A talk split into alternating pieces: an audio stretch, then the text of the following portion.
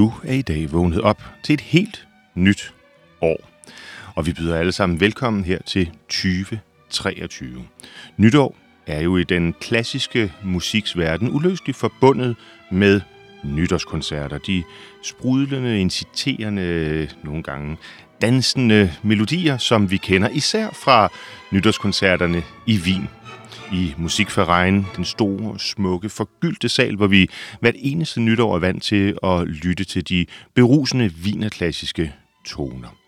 Det er Strauss' hjemland. Johann Strauss, som øh, vi derfor også i dag indleder det nye år med her i Kammertonen. For øh, nytår er jo på mange måder forbundet med øh, både den fest og champagne og dans og frivolitet, som øh, netop Strauss, Johann Strauss, den yngre, vel at mærke, øh, fik øh, på finurlig og vidunderlig vis beskrevet og fortolket i sine mange operater.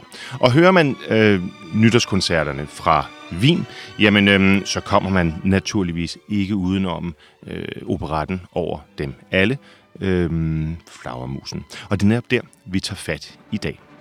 Her, hvor vi hører overturen under myndig og kyndig ledelse af Herbert von Karajan til hans helt egne Wiener Så læn dig tilbage, tag godt imod det nye år, hvordan morgenen end her har måttet spænde an.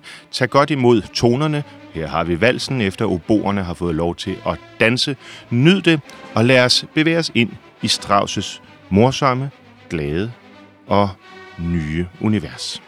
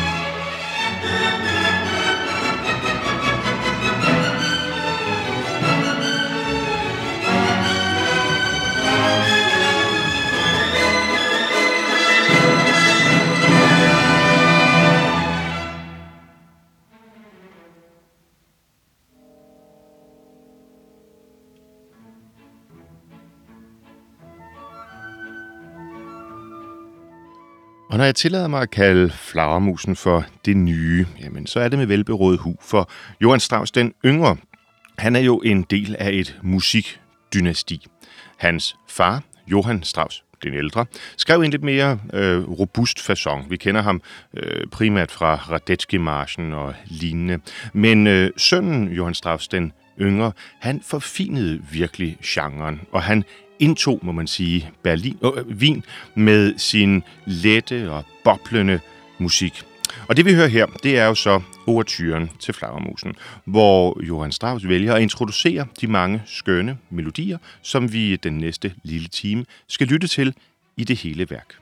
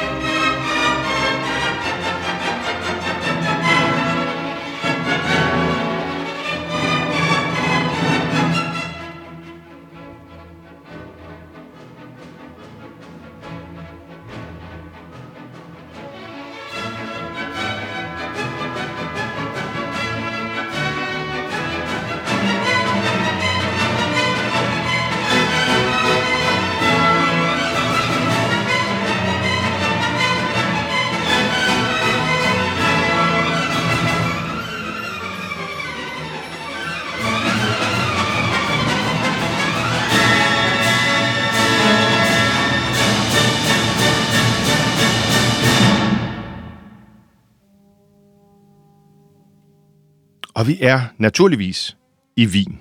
Ikke bare i salen, hvor året var 1874, da disse toner lød for første gang. Nej, vi befinder os faktisk op på scenen 15 år senere. Strauss har valgt at skrive en øh, operette med lidt fremtidsperspektiv. Måske fordi tiden omkring 1874 i Wien faktisk ikke var den allermest mundre. Man var lige kommet over den store fransk-tyske krig, tre år for inden, og den sorte fredag havde sendt alle børser i bund, som havde forårsaget et stort krak på aktiemarkedet, og det ramte blandt andet de rige vinere, som jo i den grad var dem, der holdt hånden under musikken. Så der var god grund til for Johan Strauss at sige, vi rykker handlingen i denne her nye operette 15 år frem, så kan vi glemme, og vi kan tro på fremtiden. Og vi befinder os her ved operettens åbning, selvfølgelig på selveste nytårsaften i 1899, på lige hjørnet af vendepunktet ind til det nye århundrede. Vi er i øh, Eisensteins lejlighed, hvor vi hører tenoren Alfredo serenade, synge serenader her til sin gamle elskerinde Rosalinde, som øh, desværre nu, i hvert fald for Alfredo, altså er gift med herr Eisenstein. Gabriel von Eisenstein, som på sin vis er operettens omdrejningspunkt. Lad os lytte lidt til de to.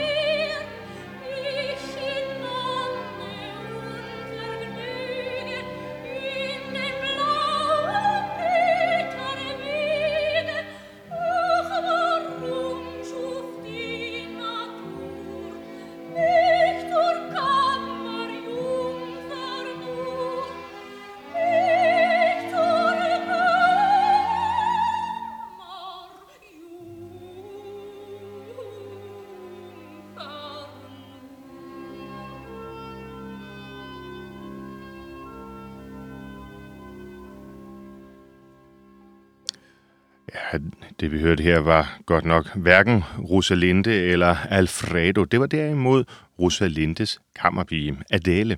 For hun er nemlig af sin søster, Ida, blevet inviteret til den store, glamourøse nytårsfejringsfest her om aftenen.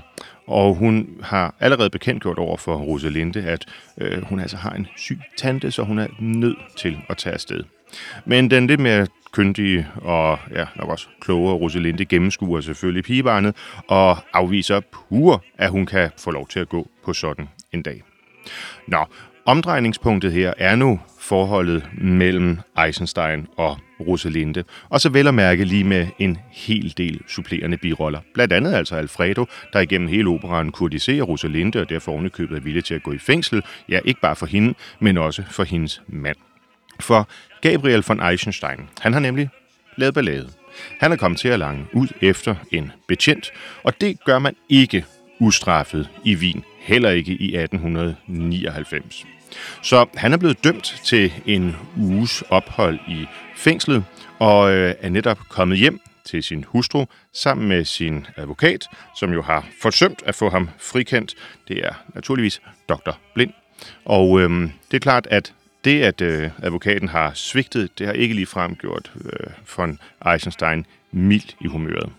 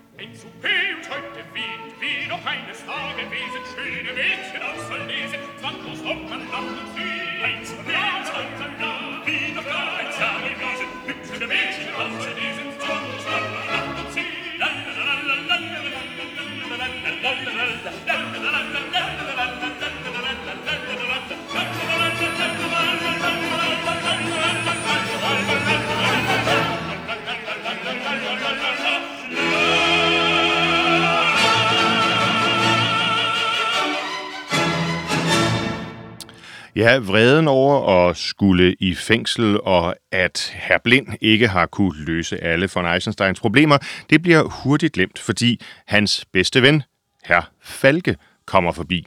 Herr Falke, han har nemlig en idé, fordi godt nok så skal Eisenstein afzone sin fængselsstraf, og det er nok bedst at følge myndighedernes anvisninger i den henseende. Men Falke foreslår øh, Eisenstein, øh, at øh, det behøver jo først at være fra midnat. Så hvorfor ikke deltage i den store nytårsfejring hos den mystiske russiske fyrste, prins Orlovski? Falke han fortæller øh, Eisenstein, at øh, der er masser af kvinder, der er masser af muligheder, og hvorfor ikke mundre sig sådan lidt her på øh, årets sidste dag. Og ja, hvorfor ikke tage det kendte guldur med, som Eisenstein altid har været i stand til at charmere, måske endda forføre kvinderne med. Det skal nok vække munter opsigt, sådan en nytårsaften. Eisenstein han er ikke svær at overbevise og farer straks op på sit omklædningsværelse for at gøre sig klar øh, til festen.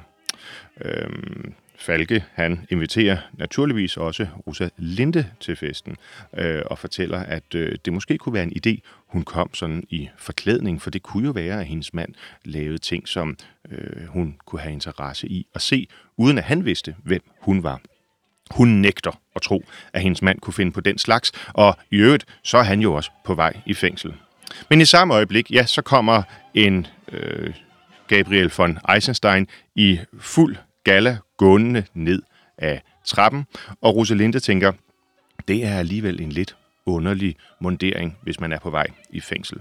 Så må ikke hun også tænker at gå til nytårsbal.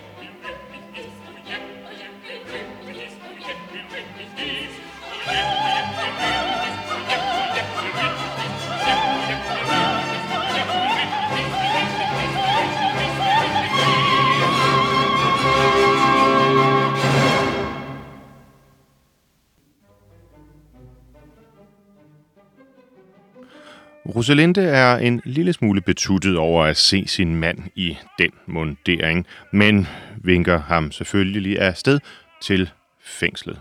Der står hun så arm i arm sammen med Adele, sin kammerpige, og øhm, bliver dog alligevel overbevist om, at det måske er en meget god idé at følge herr Falkes råd og tage med til fest i ukendelig udklædning. Hun siger derfor til Adele, at øhm, hun skal bare besøge sin tante. Og straks som Adele er væk, ja, så dukker selvfølgelig Alfredo op igen. Dengang, der øh, tager hun lidt mere varmt imod sin gamle flamme. Og hvis ikke det var fordi, de var blevet afbrudt i deres møde, ja, så er det ikke til at vide, hvordan det var endt. Men det banker på døren, og det er fængselsdirektøren Frank. Og han er kommet for at arrestere Eisenstein. Nu er det tid til at afzone sin straf. Men Rosalinde, snarrådig som enhver kvinde, hun overbeviser selvfølgelig Alfredo om, at hun skal forsvare, eller han skal forsvare hendes gode navn og rygte. Hun kan ikke sådan blive set sammen med fremmede mænd. Og hvad vil være mere naturligt, end at øh, fængselsdirektøren naturligvis overbevises om, at Alfredo er Eisenstein, og det er derfor ham, der skal i fængsel. Så for anden gang inden for kort tid, står Rosalinde og vinker farvel til sin ægte mand. Først Gabriel von Eisenstein, der egentlig er på vej til fest, og nu Alfredo.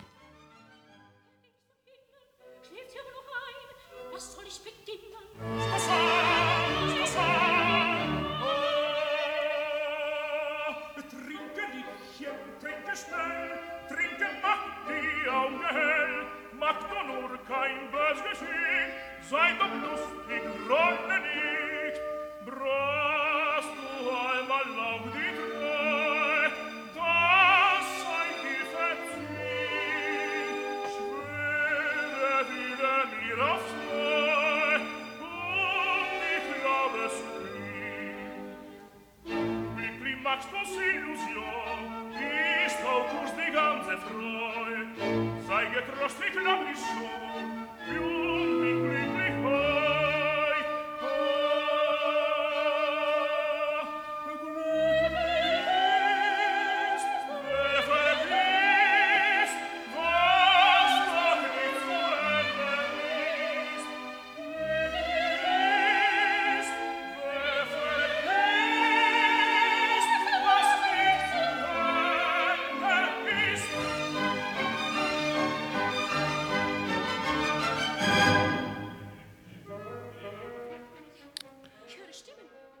og som vi på den måde lader gardinet falde for første akt, og måske går ud i pausen og nyder endnu et lille glas champagne, det er jo trods alt nytårsaften, ja, så venter en anden akt, hvor de store forviklinger for alvor begynder. I anden akt, der er scenen nemlig skiftet. Vi er ikke længere hos vores hovedpersoner, Eisenstein, men derimod hos den mystiske russiske fyrste Orlanski. Og se, her kommer vi ind i et af de fænomener, som vi har dyrket et par gange i øh, kammertonen, nemlig spørgsmålet om, hvem synger hvad.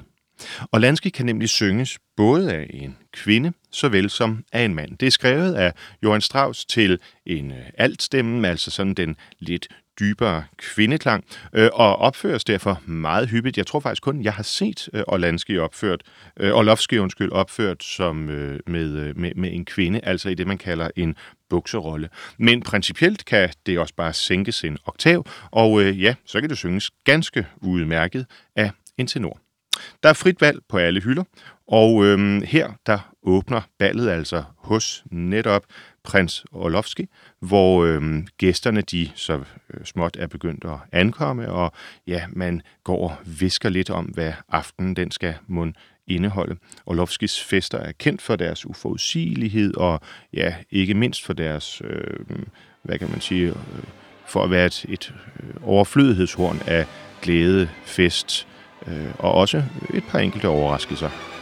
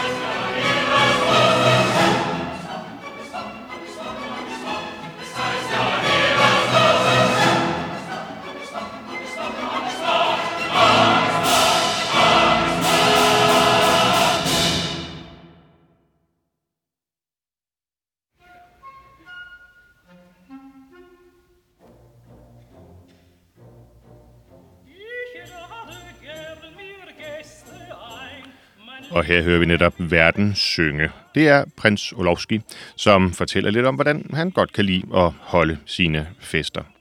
Hvad vi ikke hører lige her, det er, at han er desværre præget af tungsind. Han synes ikke rigtigt, der er noget ved livet længere. Og derfor har han bedt en af sine venner, Falke, der jo også er gode venner med Eisenstein, om ikke nytårsfesten ligesom kunne indeholde noget særligt i år. Og se, det er her rænkerne de smedes. For var det ikke også herr Falke, der overbeviste Eisenstein om at gå med til fest i stedet for at gå i fængsel? Og var det ikke også Falke, der overbeviste Eisenstein om, at det kunne være en god idé, om han tog sit guldur med, så han kunne indlade sig lidt hos damerne?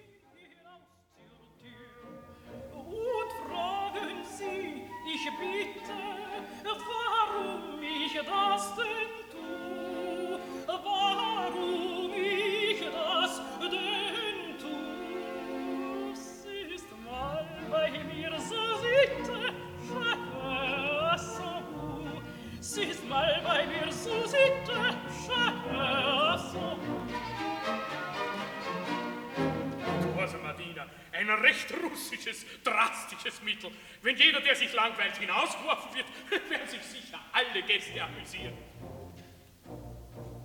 Wenn ich mit anderen sitz beim Wein und Flasche um Flasche leer, muss jeder mit mir durstig sein, sonst werde grab ich sehr und schenke Glas um Glas ich ein, durch ich nicht widerspruch. Nicht leiden kann ich's, wenn sie schreien, ich will nicht, hab genug. Wer mir beim Trinken nicht feiert, sich zehret wie ein Tropf, der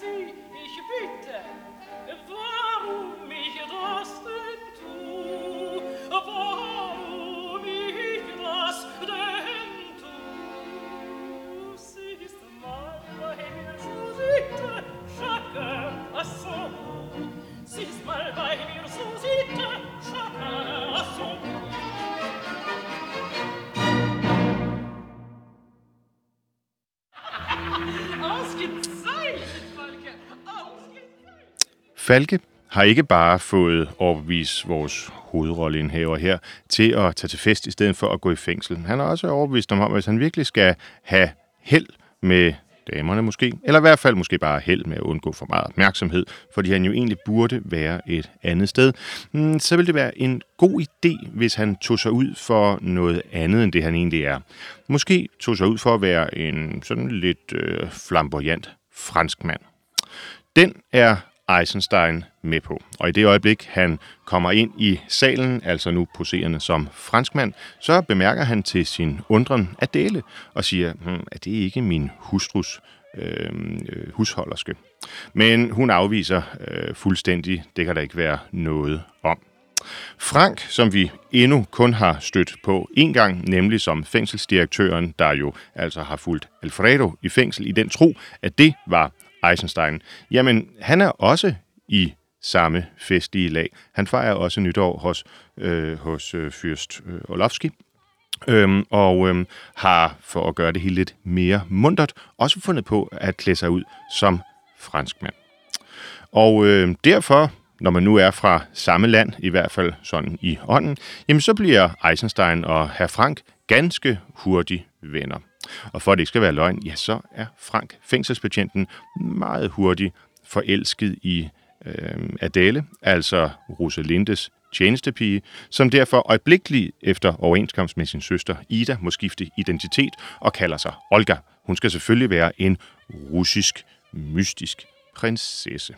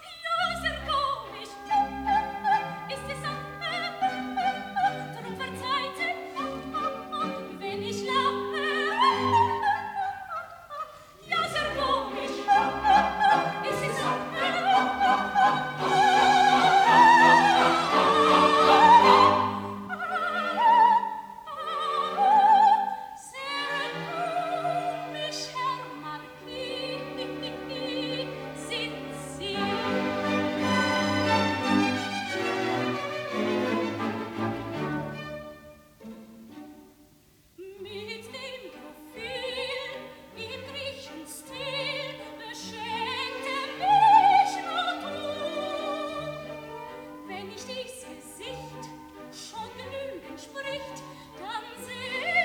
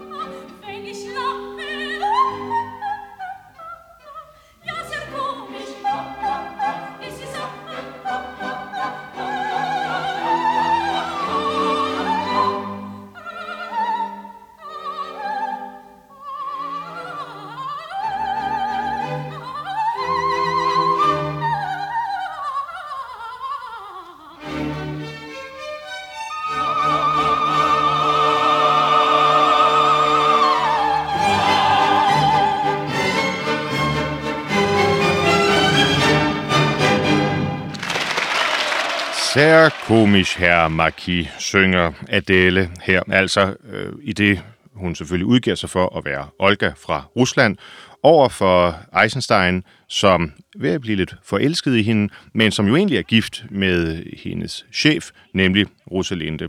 Hmm, forviklingerne er godt i gang. Men nu kommer Rosalinde. Hun er klædt ud som en ungarsk grevinde, og bliver selvfølgelig rasende, da hun ser sin mand flytte med flere af pigerne. Det gør, at hun øjeblikkeligt må bryde ud i sang, hvor hun forsøger at få styr på sine følelser. Og som en ægte, eller i hvert fald næsten ægte ungarsk grevinde, der må det selvfølgelig være en charter, en, ja, en sang om hjemlandets vemodige klange. Så vi hører her Rosalinde synge Klinge der Heimat.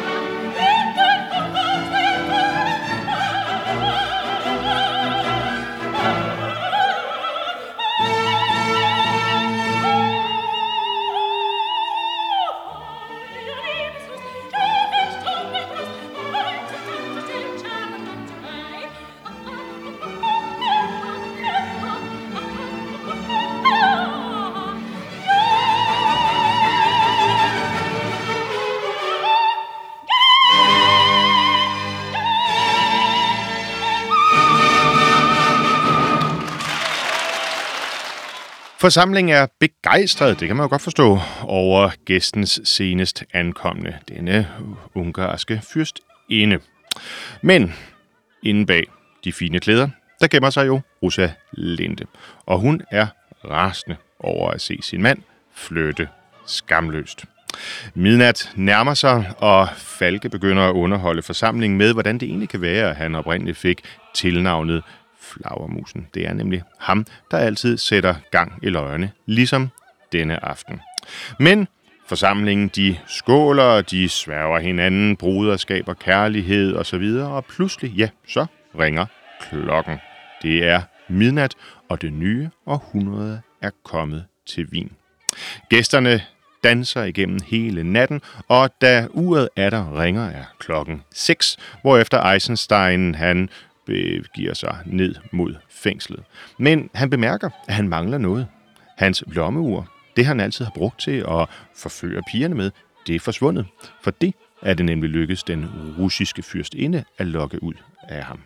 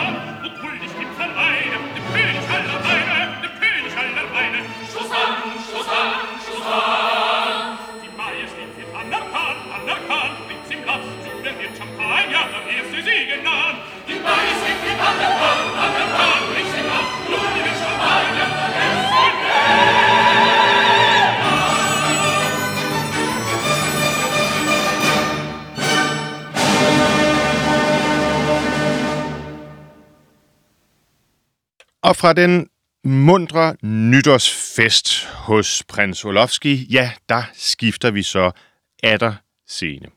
Tredje akt, den åbner nemlig med præsentationen af den sidste af operettens personligheder, som vi ikke har stiftet bekendtskab med endnu. Og det er herr Frosch, fangevogteren, som ikke øh, oftest spilles af en operasanger. Nej, fangevogteren er faktisk mere sådan en lidt komisk karakter, som, øh, som bliver dybt forundret, da, øh, da øh, Eisenstein pludselig der tidlig nytårsmorgen øh, møder op i fængslet for at afzone sin straf. Fordi han har jo allerede en Alfredo siddende nede i celle nummer 12. Det giver ikke nogen mening, og netop derfor, jamen, så spilles Frosch typisk af en skuespiller med sådan lidt munter karakter. Nu har vi også siddet i teatersalen i nogle timer og set på folk feste. Nu har vi brug for noget at grine lidt af. Nå, Frank, han ankommer selvfølgelig også til, øh, til øh, fængslet. Han er jo trods alt øh, direktør for foretagendet og øh, er en lille smule påvirket af aftens begivenheder. Ikke fuldstændig appelsinfri. Det øh, er der vist ikke nogen af dem, der er. Ida og øh, Adele, de øh, dukker også op. Det har herr Falke nemlig givet dem instrukser om. Og Adele, hun håber jo, at Frank øh, måske vil lytte lidt til hendes drømme og forhåbninger. Det er ikke nemt at være en forelsket tjenestespige. Men lad os høre, hvordan tredje akt åbner her i Flagermusen.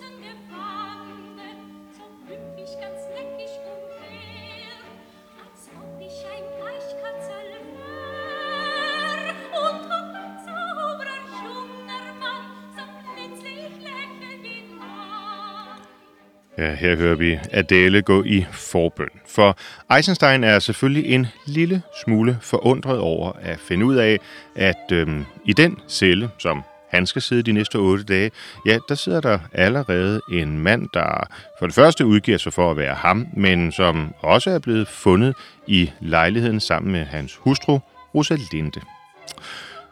Advokat Blind ankommer lige om lidt. Og øh, han meddeler, at jamen, han er blevet tilkaldt af manden i celle nummer 12 for at øh, håndtere en sag vedrørende falsk arrest. Hvad kan det nu være for noget? Eisenstein han vil til bunds i sagen, og han tager derfor øjeblikkeligt sin advokat Blinds øh, ur, øh, briller, øh, peruk og så videre, for at klæde sig ud som advokat og konfrontere denne mand, der udgiver sig for at være ham.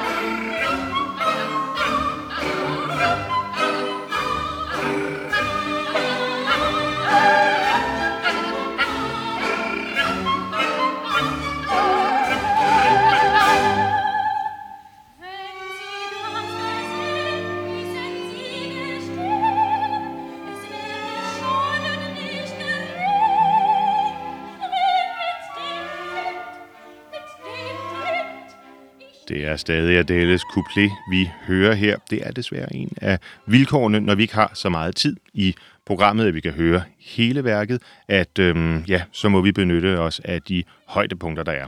Og heldigvis findes der et forhåndsklippet højdepunktskatalog, et highlights over øh, de flittermaus her, altså i indspillingen fra Wienerstadt øh, Opera med Herbert von Karajan. Det ændrer dog ikke på, at øh, på det her tidspunkt i forestillingen, ja, så kommer selvfølgelig også Rosa Linde ind i fængslet. Hun øh, vil sikre sig, at Alfredo han selvfølgelig bliver sat fri, og hun beder øjeblikkeligt advokat Blind, som jo altså nu er hendes mand, men der udgiver sig for at være advokat Blind, til at anlægge skilsmisses retssag imod hendes utro ægte mand. Men advokaten, altså hendes mand, han er ganske øh, fornærmet over, at øh, den slags anklager, og kan hun nu også bevise det. Hmm, ja, forviklingerne de udvikler sig lystigt her i sidste akt. Men, øh, men øh, Eisenstein han er ikke sent til at udnytte en lejlighed, for han har nu indset, at Rosalinde, altså hans kone, jamen hun har heller ikke været, hvem hun var. Hun er jo netop blevet set sammen med Alfredo, og han anklager hende derfor tilbage for at have været promiskøs og ikke tro over for ham. Ja, således er spidserne, øh, hvad kan man sige, fronterne spidset til her i retning af værkets slutning, hvor vi nu hører den øh, store tatset, øh, hvor flere og flere og mere forlenende toner de nærmer sig.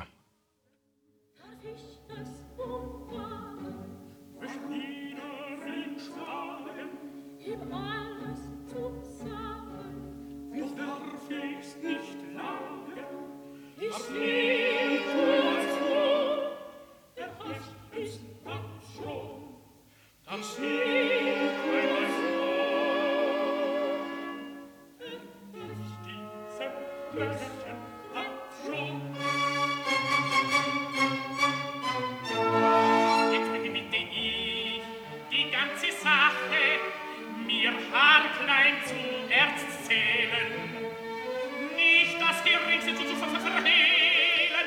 For nu kommer herr Falke nemlig ind og indrømmer, at det hele er en spøj, som han har spundet. Han øh, soler sig i succesen over planen og øh, er lidt forundret over, at øh, de andre ikke bare sådan øjeblikkeligt falder på halen og griner. Rosalinde og Gabriel von Euchenstein, de bliver nu enige om, at det ville være en skam at skulle skilles, fordi de elsker hinanden. Og således, ja, så er alle forviklinger løst, og alle kan glæde sig over, at tingene gik godt, selvom Dr. Falke måske har været lige fifi nok. Men i Wien, der tilgiver man, og man ønsker hinanden et godt nytår.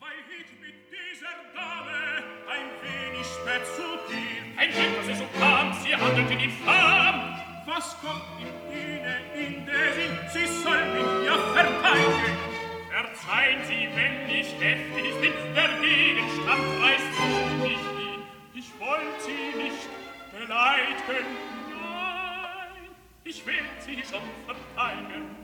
Mein Herr, das ist viel Tod, wir sollen uns nicht erfahren, wir sollen nicht ganz erfahren. Ruhig, ruhig, ich muss nicht gut. Was ist mir jetzt nicht gut? Was ist nicht gut? Gar nicht gut. Das Ganze war ein Zufall, nichts Übles ist passiert. Doch wird bekannt es werden,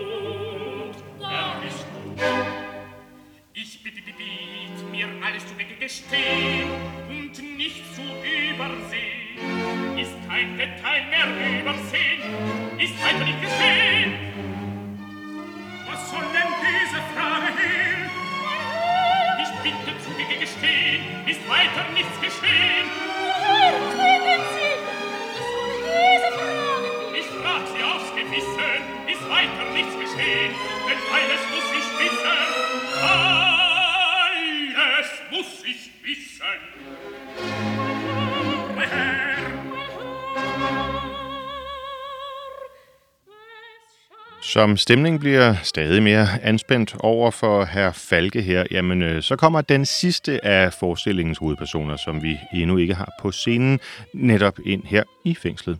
Og det er, lidt overraskende måske, men naturligvis Olofsky.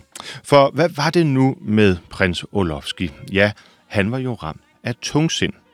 Og som herr Falke og alle de andre nu fortæller dette forviklingsspil, som altså har udspundet sig i løbet af nytårsaften med mænd og deres koner, der er forskellige udklædninger, øh, forsøger at snyde hinanden, jamen så bryder prins Orlovski ud i latter. Han synes, det er en fantastisk komedie, som herr Falke han har fået spundet. Og således nu, hvor den ellers tungsindige Orlovski øh, øh, ikke har kunne finde en vej ud af sin tristesse, øh, har alligevel øh, genvundet det gode humør, jamen, jamen så er det klart, så må alle bryde ud i latter. Og det gør man selvfølgelig med en sådan lidt lakonisk hyldest til herr Falke. O fledermaus, o fledermaus, altså o du flagermus, det var jo netop herr Falkes øh, kaldenavn. Og med de toner, med de ord, så er der kun tilbage for mig her på Kammertonen og ønske alle jer derude et rigtig godt 2023. Jeg håber, det vil blive et år med bare lidt færre forviklinger, end det vi har været igennem her med vores venner fra Wien. Men tag godt imod 2023. Jeg er sikker på, at det bliver fantastisk for os alle sammen. Godt nytår.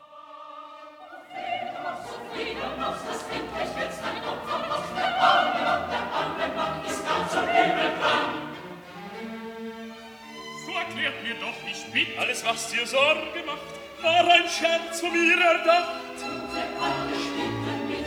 Wie der Prinz spielte mit. Und Adele spielte mit. Ihr Souper war nicht verspüte, auch mein Schlaf noch requisit.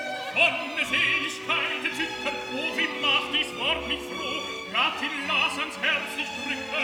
Warum nicht denn alles so will, wolle den glauben, dein Gewicht im Raum.